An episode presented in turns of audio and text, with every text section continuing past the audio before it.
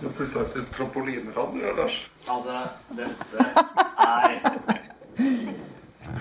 Det er så mye trampoliner og opplegg. Den derre kulturreisen jeg har foretatt i løpet av få uker, er på et nivå som sjelden er sett, ass. Det er uh... Altså, om to år, Lars, du kommer til å være så manisk opptatt av å få deg en trampoline.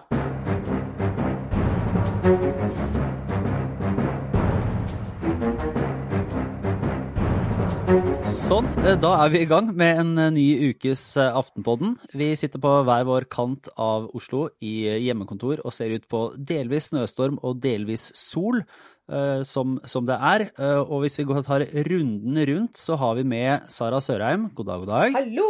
Hallo! Hallo, hallo.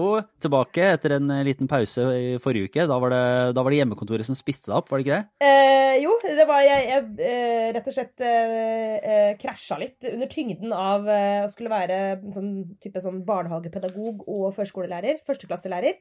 Nå har jeg derimot eh, forskanset meg inne på et eh, veldig rotete soverom med eh, tre barn under syv år eh, i leiligheten. Eh, og jeg har lukket begge dørene og sagt dere får ikke komme inn, men nå er dere herved advart om at eh, hvis de blir lei av leksene, så, eh, ja, så alt kan skje. Men akkurat nå er det faktisk veldig deilig å snakke med tre andre voksne mennesker. Relativt uforstyrra. Hurra! Og eh, Trine Eilertsen, eh, du sitter der, og etter det jeg forsto, så hadde du lyst til å komme med en slags sånn Ja, dementi veldig, veldig gjerne. Jeg, jeg tror jeg satt der Jeg vet ikke hva som stakk meg, jeg, men jeg tenkte at kanskje verden vil bli litt forandret etter dette på en sånn måte at vi ja, nå merker vi at vi trenger ikke å fly for å reise på møter, vi kan videomøtes, og vi trenger ikke å møtes hele tiden, vi kan videomøtes. Det kommer ikke til å skje. Vi kommer til å fly mer enn noen gang etter dette. Hvis det er et møte i Trondheim, så flyr jeg gjerne dit, hvis det er det som skal til for å få treffe et levende menneske. Så, eh, så jeg har eh, jeg har mistet helt troen på det, sånn varig endrede vaner. Så karbon, karbonavtrykket skal rett opp igjen etter dette. Ja, men det, det, det får vi nok se på. Det, det, det kommer jo et, der- et behov etter hvert for å, for å møte litt eh, mennesker, og det føler vi alle på. Eh, Vi har med da en fjerdemann, eh, Kjetil Astheim, tilbake med på prøve, skal vi kalle det det, i det gode, glade Aftenpodden-selskap. Velkommen, velkommen igjen. Jo, takk skal du ha. Jeg er en slags sånn fjerde hjul på Ja, vogna, da. Hvis du får mye kjeft og kritikk, så, så går du rett ut. Bare eh, et lite råd fra en erfaren podder, Kjetil. Bare unngå å snakke om eh, korps og vindmøller, så skal det gå greit, tror jeg. Tror det er liksom den største faren. Ja, og så er vi ellers sånn at eh, vi, vi, vi tar jo gjerne litt god Ja konstruktiv eller ja destruktiv da. kritikk. Det, det, det tåler vi. Vi skal ikke være Vi skal ikke være bare en medhårspodkast. Det kan vi ikke ha på oss. Nei, eh, vi skal vel innom litt forskjellig av det som har skjedd eh, politisk eh, denne uka, om, på ulike kanter. Men jeg tenkte kanskje at vi kunne starte med det som skjedde i, i, i etterkant av forrige ukes podkast, for da kom jo regjeringens forslag til eh, krisepakke for eh, næringslivet, inkludert denne såkalte kontantstøtten, som eh, nå har vært innom en runde i Stortinget. Og kan ikke du, Kjetil, bare si litt om hvordan dette nå har, ser ut til å ha, ha landa, hvordan det er? Eh, Ja, det er jo, eh, det er jo støtte til eh, det store tiltaket, altså den eh, kontantstøtten for, eh, for bedrifter som har, eh, mister inntekter brått. Men det Stortinget drev og forhandlet om til langt på natt og tidlig morgen, var jo en hel drøss av andre ting fra partiene. En sånn de kom jo med hver sin ønskeliste uh, som de skulle ha inn i tillegg. Jeg tror kanskje det mest eh, ja, underlige, for å ta et forsiktig ord, var det at man, skulle, man fikk inn en, at det skal utredes tiltak for, med karbonfangst- og lagringsprosjekter i Stavanger, Bergen og Trondheim. Eh, altså, som ikke har noe som helst med det å løse den akutte situasjonen for frisører eller hvem det nå er som, eh, som plutselig ikke har penger. Og det er jo, her skal det ut med mange milliarder kroner, 20 milliarder i måneden eller noe sånt, altså den kontantstøtten. Eh, Da burde jo Stortinget bruke tid på å finne ut av hvordan gjør vi det best mulig, hvordan unngår vi at disse pengene havner eh, feil sted. Var det ikke snakk om noe Var det rassikring i Nå gjetter jeg. Sogn og Fjordane? Ja, rassikring. Det er ofte, ofte rassikring i Sogn og Fjordane. Om det var spesifikt der, det, det er jeg litt mer usikker på. Men også bredbånd i distriktene, da, som kom inn 100 millioner eller noe sånt, tror jeg det er ekstra til bredbånd i distriktene. Da. Alt det der er jo helt greit å diskutere, men ikke akkurat nå. Men er det ikke uh, innsigelsene mot det må jo være at det, her skal uh, hvert av partiene på måte trekke opp det beste de har. Da, at, at nå skal alle, hele det politiske Norge jobbe sammen for å finne løsninger. Og så skal man bruke kompetansen fra de ulike partiene der man har hatt sine kjernesaker, for å finne gode løsninger. Mener mener du, at dette ikke er, er Nei, ikke sånn altså, det skal funke? Det, det, hele poenget med dette er at argumentet er at vi må liksom opprettholde etterspørsel og holde hjulene i gang og holde liv i bedriftene så ikke de forsvinner eh, pga. disse ukene eller månedene eller hvor lenge det nå blir. Eh, så det, det, handler om egentlig på kort sikt hva du kan gjøre, men en del av disse tiltakene handler jo ikke om det. Det handler om ting som på lang sikt helt sikkert er lurt og smart, og du kunne sikkert diskutert i revidert eller statsbudsjettet til høsten. Men det er bare det at dette her undergraver jo hele tanken om at dette er krisemidler akkurat nå. Uh, som det får langsiktig effekt inn i budsjettet. og Poenget med disse er jo at når krisen er over, så skal vi ta de vekk igjen. Det er sånn Alle partiene har veldig behov for å vise at de har vært med. og det, det, Vi kjenner igjen fra sånne budsjettforhandlinger på, på, høsten, når det har en mindretallsregjering og de skal forhandle med noen, så, de, så, det, så blir det dyrere underveis fordi de skal sette liksom sitt stempel på, på, budsjettet. Og når da du skal ha et så bredt forlik, så blir det veldig mange stempler. Men jeg tenker det er jo helt drømmen for politikere da, å få den derre eh, Nå kan vi faktisk bruke enormt mye penger. Og så er det sitter, sitter, som, eh, sitter i komiteene sine og filer på eh, millionene og milliardene her år etter år og kan ikke dele ut noe. Plutselig så er det sånn 20 milliarder i måneden. Klart du skal slenge på litt rassikring og eh, det ene og det andre. Det er jo en fantastisk mulighet til å bare svi av enormt mye penger og, og hilse hjem. Jeg syns det er litt trist, da. fordi at jeg, jeg, har jo vært litt sånn stolt av at norske politikere kunne hive seg rundt og sette seg ned og jobbe natt og dag for å komme til løsninger med å tenke hva konkret er utfordringen nå. Og det er, altså for å si det sånn, det blir dyrt nok, dette her. Altså Det er våre unger som liksom får eh, desimert sin fremtidige pensjonsfond pga. dette her. Og det går an å begrunne veldig mye av det fordi det er det gode grunner til. Men hvis du skal legge opp, opphøre, altså all vanlig politisk begrensning og budsjettbegrensning skal opphøre i denne fasen her, det mener jeg det er et svik mot de som skal bestemme i fremtiden. Og så er problemet litt at de, de snakker da, uh, bruker mye tid på å snakke om relativt små beløp, sånn som det med bredbånd i distriktene og sånn. Det er ikke de store pengene nå. De store pengene er de 20 milliardene i måneden til, i kontantstøtte uh, osv. Men de bruker da tid tar opp tid i Stortinget, bruker ressurser i Finansdepartementet som må sjekke opp alle disse tiltakene som de vil ha inn, akkurat på et tidspunkt der det er veldig, et veldig hektisk arbeid med å få på plass de store, store tiltakene. Så det blir en sånn avsporing av, uh, oppi en situasjon som er krevende nok fra før. Jeg bare tenkte på at uh, dette minner meg litt om uh, Litt sånn som barna har det nå med, med tilgang til skjerm, egentlig.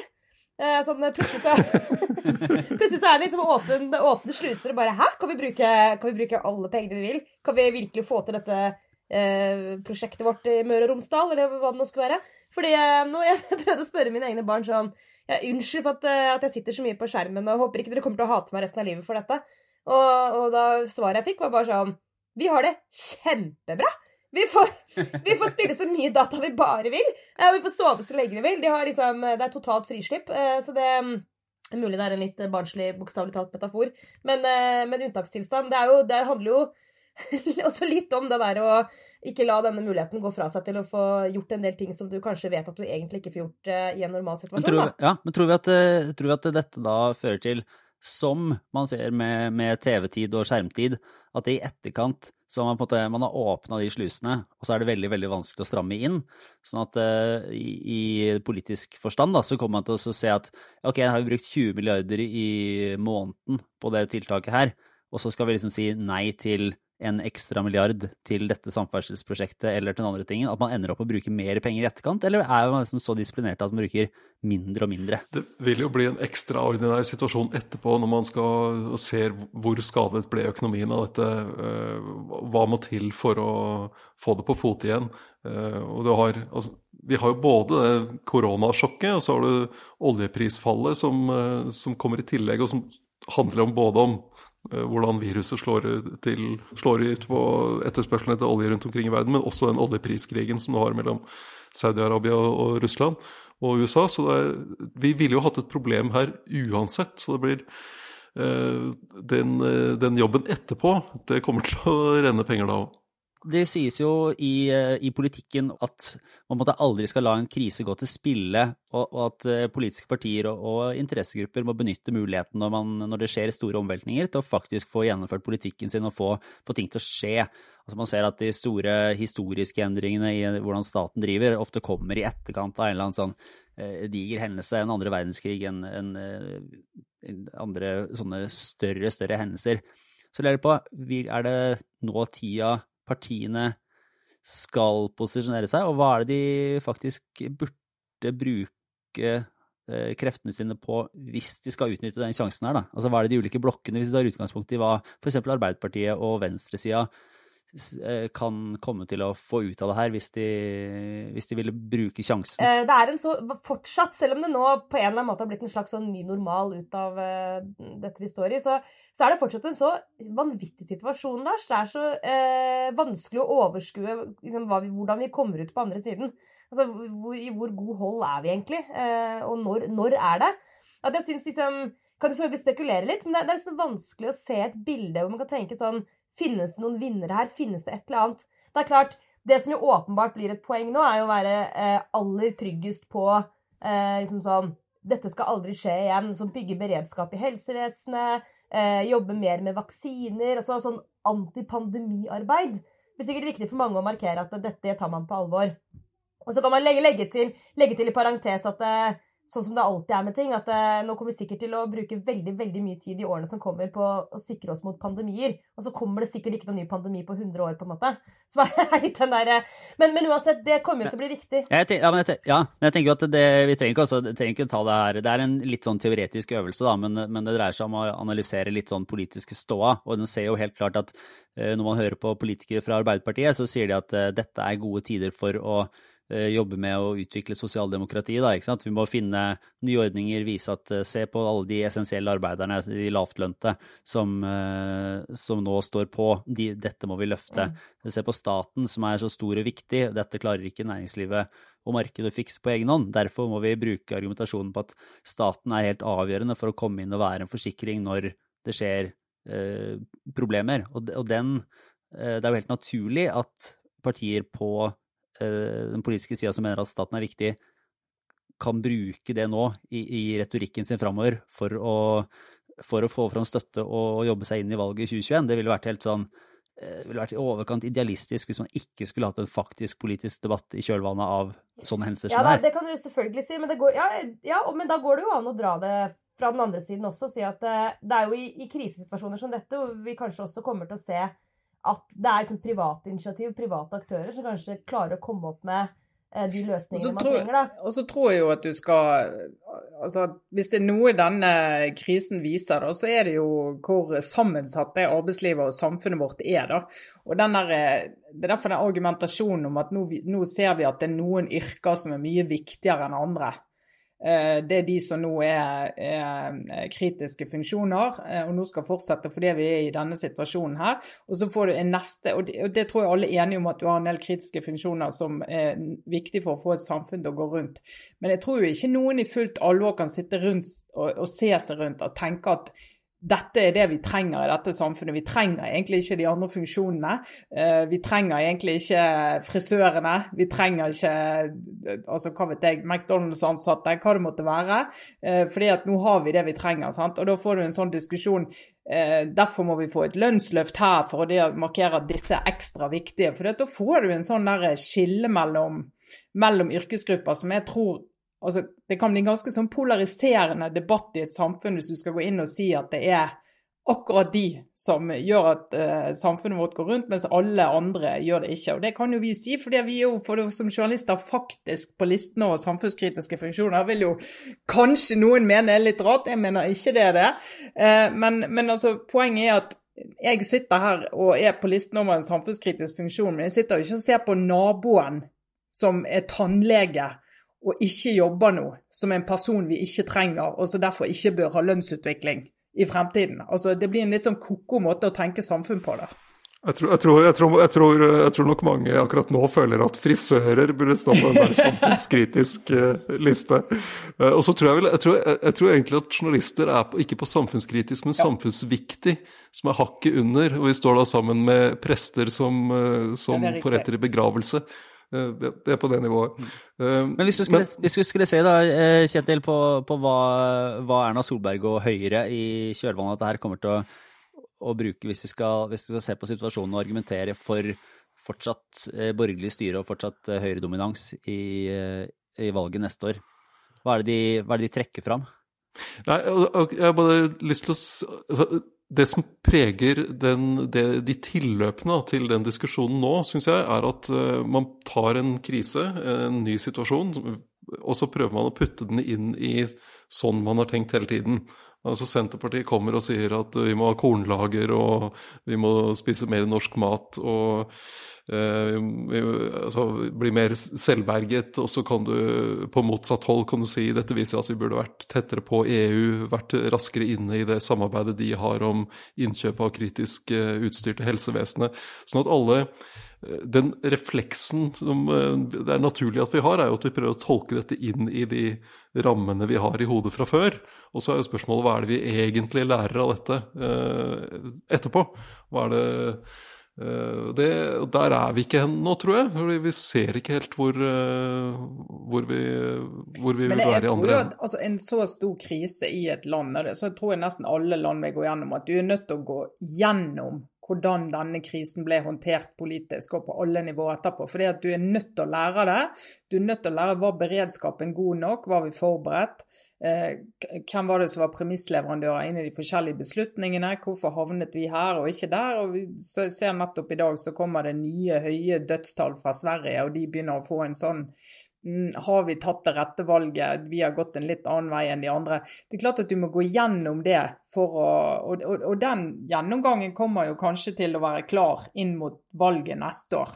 Hvem vet? Inn mot valgkampen neste år. Sånn at det vil jo bli en del av vurderingen av denne regjeringens innsats, selv om ikke det i utgangspunktet er innenfor en sånn politisk altså jeg tror ikke Jonas Gahr Størve sier at hadde vi eh, styrt, så hadde det blitt eh, mye bedre håndtert.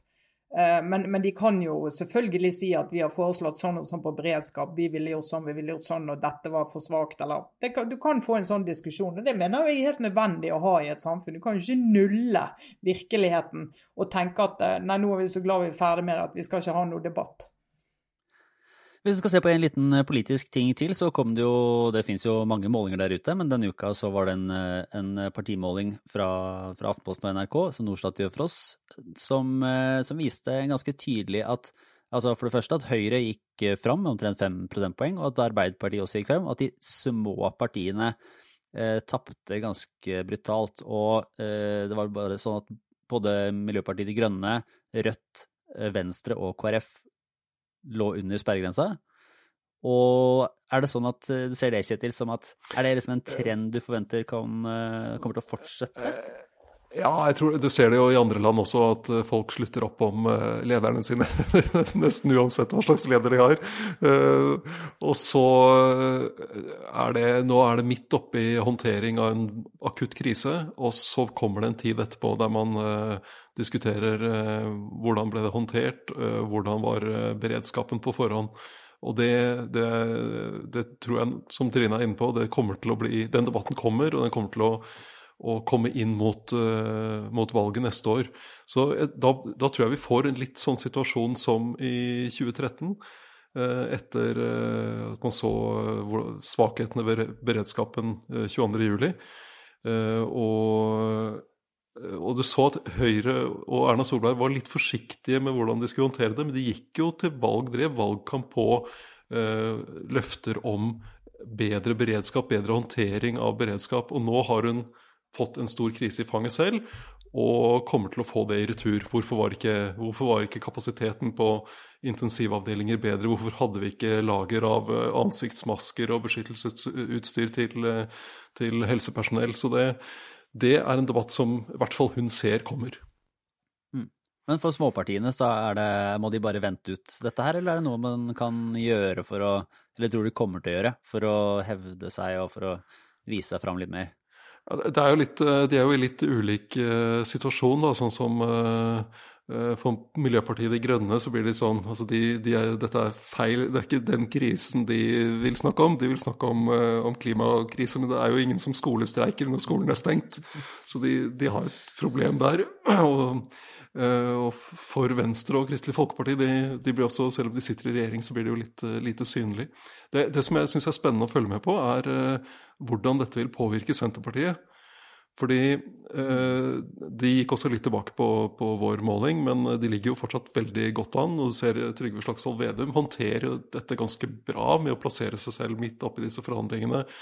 Ikke være for polemisk og retorisk akkurat nå, men snakke veldig sånn til folk om at vi, vi, det, vi, prøver å gjøre det litt mindre ille for dere og sånn. Så jeg, jeg syns han takler det ganske bra sånn som, som, per i dag. I tillegg til at han har jo en base av ordførere, så når man snakker om, om styringspartier, så, så, er det ikke bare Høyre og Arbeiderpartiet. Senterpartiet er også på mange måter et, et styringsparti. Jo, han har jo en enorm sånn fingerspitzgefühl på, på hva som slår ute blant folk. Uh, og jeg tror han kjenner at akkurat nå så er ikke folk der at de ønsker at en uh, opposisjonspolitiker skal stå og hakke på Erna Solberg f.eks. og hennes måte å håndtere det på. Da blir det litt sånn uh, åk skjelv jævla, sant? så du får en sånn der motsatt effekt. Altså, nå lønner det seg jo liksom være en som er med og tar ansvar og hever seg over de små politiske problemstillingene. men men dere. Ja, Unnskyld at jeg avbrøt, Trine, men jeg følte at vi hadde et litt sånt moment her. Så vi må rett og slett ta i stilling til eh, Kjetil, Kjetils eh, plass i poden, altså. For jeg syns jeg, jeg, synes jeg hørte du sa, Kjetil, at Senterpartiet er på mange måter et styringsparti. Ja. det er det. Ja.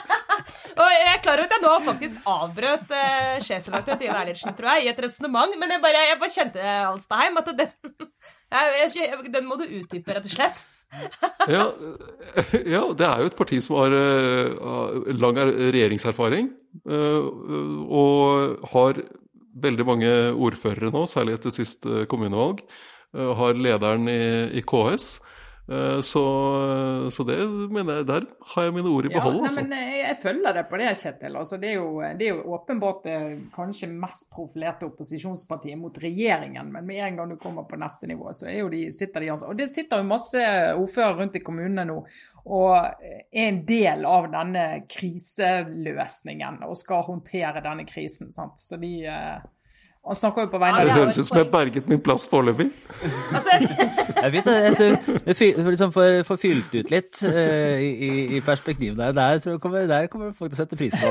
Men, uh...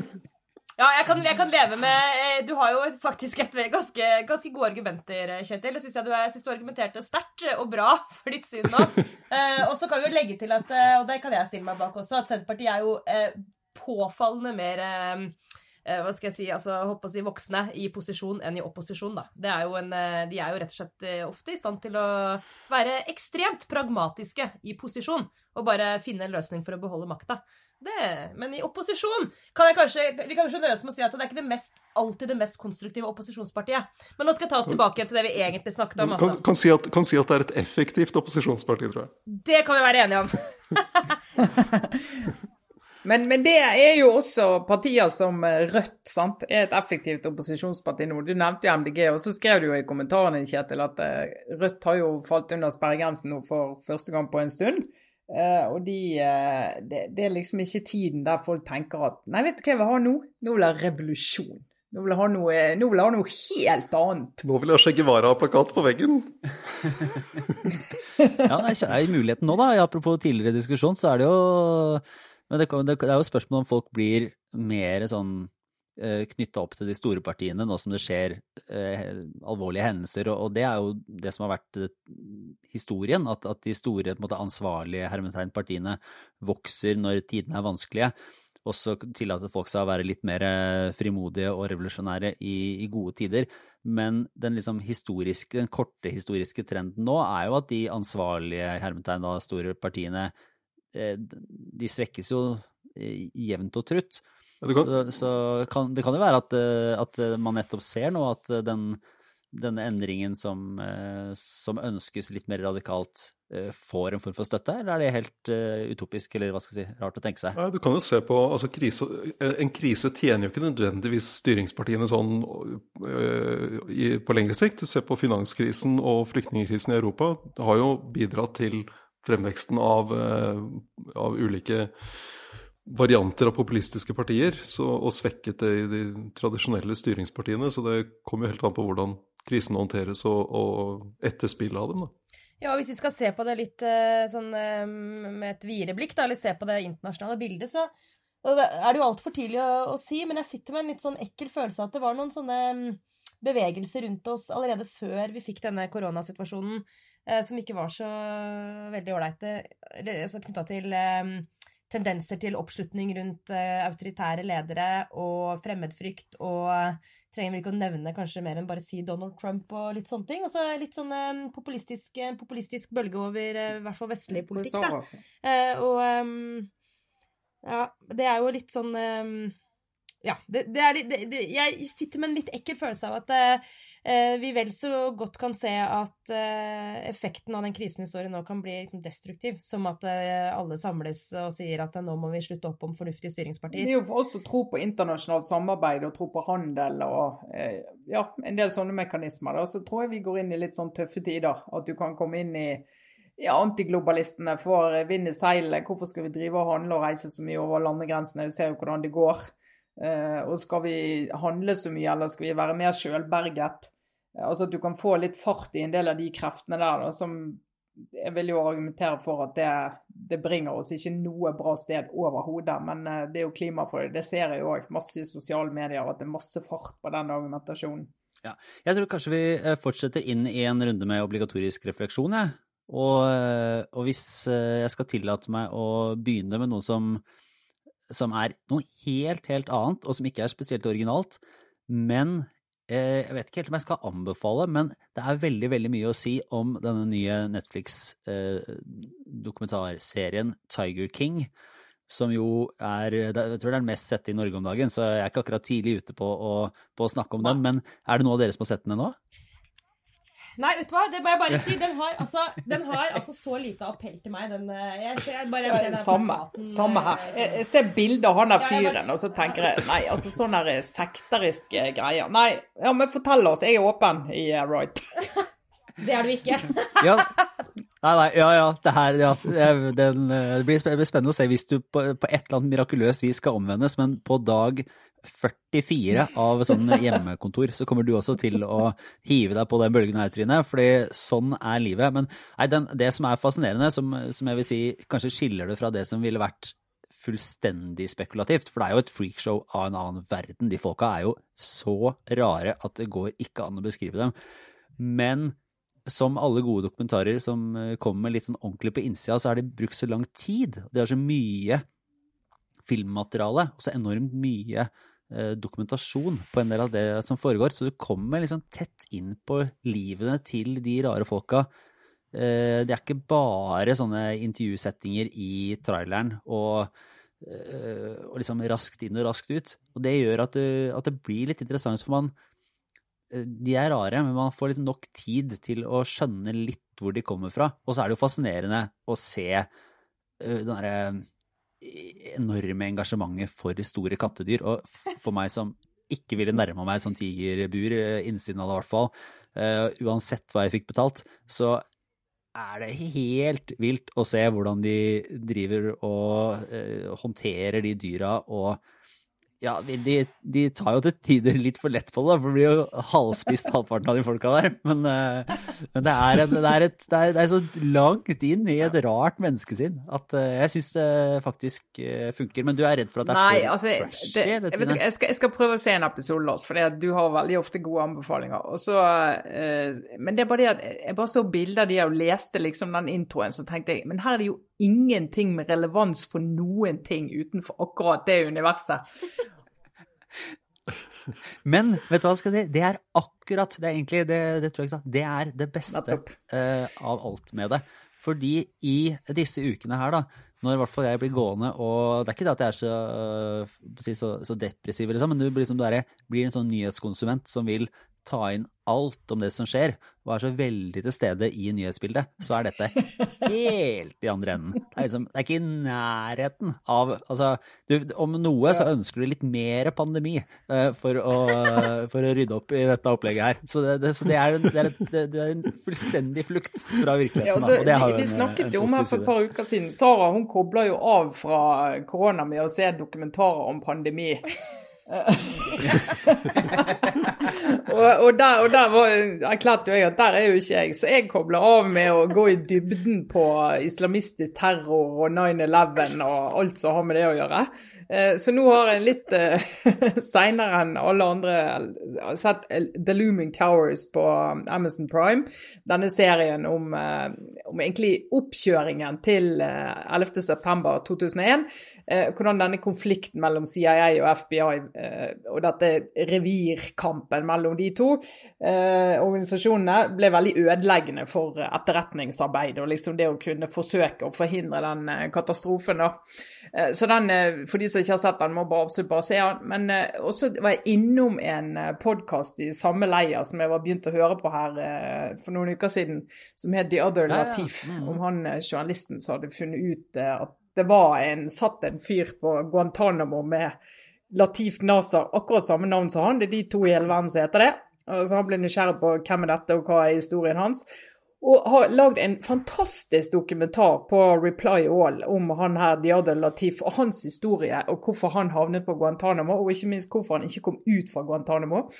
Eh, og hvordan Altså, I den fortellingen så får du også oppbyggingen av uh, Osama bin Ladens uh, maktbase og organisasjon. Uh, du forteller om hvordan han drev disse gårdene og solsikkedyrking i Sudan og var der i fem år. og liksom Hvordan han rekrutterte. og Det var jo tusenvis av medarbeidere på denne gården. Og, liksom hvem som har vært inne og ute av dette her, og hvem som dukket opp i Afghanistan på et tidspunkt, hvem som kom til Guantánamo. Det er faktisk veldig fascinerende og veldig sånn skremmende å høre uh, når de da skulle begynne å avvikle Guantánamo, hva som gjorde at de ikke gjorde det, og hva som gjorde at noen fremdeles sitter der uten eh, lov og dom etter alle disse årene. Jeg forsøker søke å si at uh, Nå føler jeg at Guantánamo var sånn blast from the past. Bare å, herregud, ja. Da, nå ble jeg helt sånn Ja, for det er fortsatt Ja, de sitter uh, der ennå. Altså, de sitter der ennå, sant. Ja. Og, de, og, det, og, så var det, det er jo litt av greien er jo at de begynte jo å skulle prøve å distribuere ut disse her folkene da, tilbake til hjemlandet der de kom fra. For de, kunne jo ikke ta dem til USA, det var jo hele poenget. For da hadde de jo et rettssystem og måtte jo gjøre alt mulig rart for å få lov å holde på dem så lenge. Så derfor var de på denne øyen. Og så, nå var det, så på et tidspunkt da, rett før Trump ble president og på slutten av Obamas periode, begynte de å skulle distribuere disse tilbake igjen til f.eks. Marokko, da, som var landet, hjemlandet til han her. Og de er jo litt sånn Ja, vi kan jo Skal vi ta imot de, liksom? Hva, nå har han sittet der i mange år og blitt ødelagt av dere, og så skal vi bare ta imot de, sant? Altså, det blir ikke så lett, da. Eh, så det var en veldig, veldig fascinerende historie. Anbefales. Veldig grundig journalistikk. Men da må jeg si at vi, vi jeg og Trine har litt sånn samme modus på, på sånn ja, Nå skal det være koselig å koble av med noe, noe annet. Eh, så, men jeg har, move, jeg har, moved on fra pandemi. Jeg, nå, nå, har jeg brukt siste Jeg var jo ikke med forrige uke heller, så siste to ukene har jeg virkelig dykket inn i Scandinavian Star, jeg. Det har jeg gjort. Og eh, i tillegg eh, faktisk også eh, aldri så lite dypdykk inn i palmedrapet. Eh, så, gjennom de to dokumentarene som ligger på NRK begge to, som jeg anbefaler på det varmeste, nemlig Fallet Christer Petterson om Palmesaken og eh, den Scandinavian Star-dokumentaren. Og uten å spoile kan jeg bare si svensk politi på 80-tallet Herregud, kommer ikke godt ut av dette. Der var det, vil jeg påstå, mye surr. Eh, og mange karer eh, med sånne 80-talls olabukser og skinnjakker som eh, ikke var så gode til å stille åpne spørsmål, for å si det sånn. Ja. ja. Nei, men da, da, begynner det å nærme seg en, en grei litt knipp med anbefalinger. Åssen er det med deg, Kjetil? Hva, hva er din obligatoriske refleksjon denne uka? Nei, Jeg hadde egentlig, burde egentlig kommet inn etter Trine, for jeg hadde en veldig fin overgang der. Så jeg kunne si apropos islamister, nå må vi snakke litt om skjegg. Ja. ja. ja men det er ikke for seint, Kjetil. Det er bare å kaste seg på. Nei. Ja, ja, ja. Eh, det er for det, det var jo før, før jeg kom inn på prøve her, så var det jo snakk om i en tidligere episode at Lars hadde fått seg antydninger til sånn koronaskjegg. Ja, herregud. Og det Og, det, det, er, eh, og der, er, der er det jo mye det mye rart som øh, flyr rundt på nettet nå, og i flere også seriøse aviser. F.eks. så har øh, franske Le Figaro har en sak om, om hvorvidt øh, covid-19 vil ta livet av hipsterskjegget. Eh, og, og også oppslag om eh, ja, både helsemyndigheter både i USA og Frankrike som anbefaler å barbere seg. Og da, da er det, jeg vil anbefale en liten oppsummering hos Vox, eh, som går historisk til verks her, om hvordan skjegget er blitt eh, syndebukk, da. Syndebukkeskjegget. eh, siden slutten av 1800-tallet i forbindelse med tuberkulosen, der man trodde at eh, skjegget kunne spre tuberkulose. Og det ble, ble bl.a. advart mot, mot folk som jobbet med Altså melkemannen måtte ikke ha skjegg. Men dette er da dette er bare myter. Er, eh, og når, helse, når disse helserådene kommer, helsemyndighetene anbefaler å barbere seg, så er det til folk som jobber i helsevesenet og skal ha på seg det der munnbindet. Man, de lager ikke munnbind i sånn julenisse-size, ikke sant? Du skal, du, og det munnbindet skal jo sitte tett rundt for å beskytte. Så dette er, det er ingen grunn til å barbere seg, Lars. Du kan trygt Ja. la det gro. Det Der tror jeg, tror jeg allmennheten og eh, generelt, og Sara spesielt, vil sette ned foten lenge før den tid. Eh, ja, men eh, jeg lurer på om vi skal runde av der. Ja. Så fikk vi gjennom eh, smått og stort som i enhver god episode av Aftenpodden. Det som eh, jeg kan si, er at alle disse anbefalingene og lenkene de kommer i eh, det ukentlige nyhetsbrevet som man kan melde seg på, nettopp for å få litt oppsummerte nyheter og våre anbefalinger til lesestoff. Så hvis vi har en sånn leseliste etter en eh, lang uke om eh, varierte ting, eller noe å se eller høre på, så kommer det i nyhetsbrevet sammen med en ukentlig politisk quiz. Eh, Som eh, jeg har fått Dere har testa det, så skal vi ikke gå inn på svarene da, for å ødelegge noe, men jeg kan si at det var ingen av dere som Nei. hadde helt full pott. Det var, det var eh, en feil, altså. Sånn at her er det muligheter for å briljere. Så ta gjerne den når den kommer i innboksen. For å abonnere så går man på aftenpodden.no. Enkelt og greit, aftenpodden.no, og så skriver man inn e-posten sin. Eh, og så er det, det er for abonnenter, da, som vi anbefaler alle å være, spesielt i disse tider når eh, mediebransjen ser ut til å kunne få nok en eh, Eilertsen krisesmell, som vi var inne på siste uke. Så er det en god idé, men eh, der kan du få alt av lenker. Så det oppfordrer vi folk til å gjøre. Eh, og med det så tror jeg vi runder av ja, for denne dagen. Så er vi vel muligens tilbake i påskeuka. Vi har et håp. For å si det sånn, det blir full jobbing i påskeuken, så why not? Altså, det, fin- det, finnes, eh, det finnes ingen hverdag mer. Eller for, å si på, altså, alle, for ungene er hver dag en lørdag, og for meg er hver dag en eh, mandag eller tirsdag. Så um, kjør på! Nå- skal vi jo ha ferie på Jeg hjemmekontoret. skal, jeg skal flytte stolen min bort fra det ene vinduet til det andre for å få en annen utsikt i ferien. Det her er strengt tatt burde noe av det mest sosiale jeg gjør hele uka, så jeg, er godt fornøyd. I går, så var jeg, I går hadde jeg en unnskyldning for å dra på kontoret. Jeg måtte faktisk fysisk eh, ut av huset. Og eh, på vei hjem så møtte jeg noen bekjente eh, på gata i Oslo, på Rådhusplassen. Eh, og da ble jeg så glad, og vi ble også så lykkelige over å møte hverandre og hadde en lang samtale som slo meg etterpå at det er nøyaktig den samme effekten som oppstår når du møter en du bare kjenner bitte litt i Syden. Sånn har det blitt nå. Ja. Mm. Så det var faktisk veldig veldig hyggelig. Så er du her? Å, gud a meg, så koselig. Så eh, det var mitt sosiale høydepunkt eh, denne uken, eh, fram til nå, egentlig. Så takk for laget. Det er egentlig samme for meg om noen hører på. Så lenge jeg får snakke med dere en gang i uka, så er jeg fornøyd. Det er viktig å ha en slags eh, ja, en sånn debrief, en, en følelse av at du kan få litt sånn utløp for, eh, for ting når man sitter inne med, med de samme veldig hyggelige og, og elskelige menneskene, for all del. For all del. Nei, men uh, tusen takk uh, alle sammen. Da takker vi for oss. Det var denne ukens Aftenpodden. Ha det bra. Ha det. Ha det.